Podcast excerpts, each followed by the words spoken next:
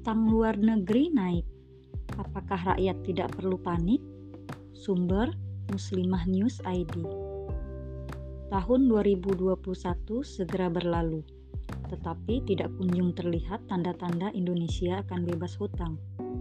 Keadaannya justru terbalik. Utang luar negeri negara justru makin naik. Kini, utang luar negeri Indonesia sebesar 423,1 miliar US dollar atau 6.008 triliun rupiah, meningkat 3,7 persen daripada tahun lalu. Utang luar negeri ini terbagi menjadi dua, yaitu utang luar negeri pemerintah dan utang luar negeri swasta. Keduanya mengalami kenaikan. Bengkaknya utang ini memperlihatkan keuangan negara sedang tidak baik-baik saja.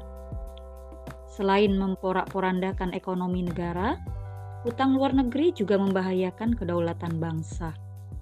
Negara ataupun lembaga kreditur atau pemberi utang tentu akan memberikan syarat tertentu.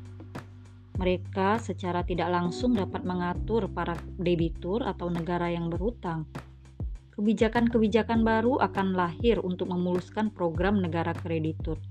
Bisa berupa kebijakan tentang undang-undang atau pengelolaan sumber daya alam. Seyogianya rakyat dan semua elemen di negeri ini harus mencari sistem alternatif untuk menyelamatkan hidupnya. Jika hanya mengandalkan kapitalisme yang bertumpu pada sistem riba, tidak akan menyelesaikan, justru menambah masalah. Islam merupakan agama sempurna. Aturan Islam mencakup segala hal, termasuk sistem keuangan. APBN negara Islam sangat jelas, baik pengeluaran maupun pendapatan. Pemasukan APBN negara Islam berasal dari banyak pos.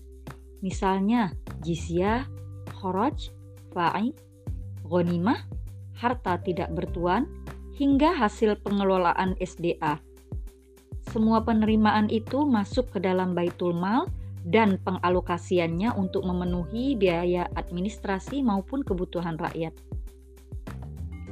Seandainya pendapatan negara cukup untuk memenuhi semua kebutuhan yang wajib, negara tidak perlu berutang, apalagi utang riba yang Islam haramkan.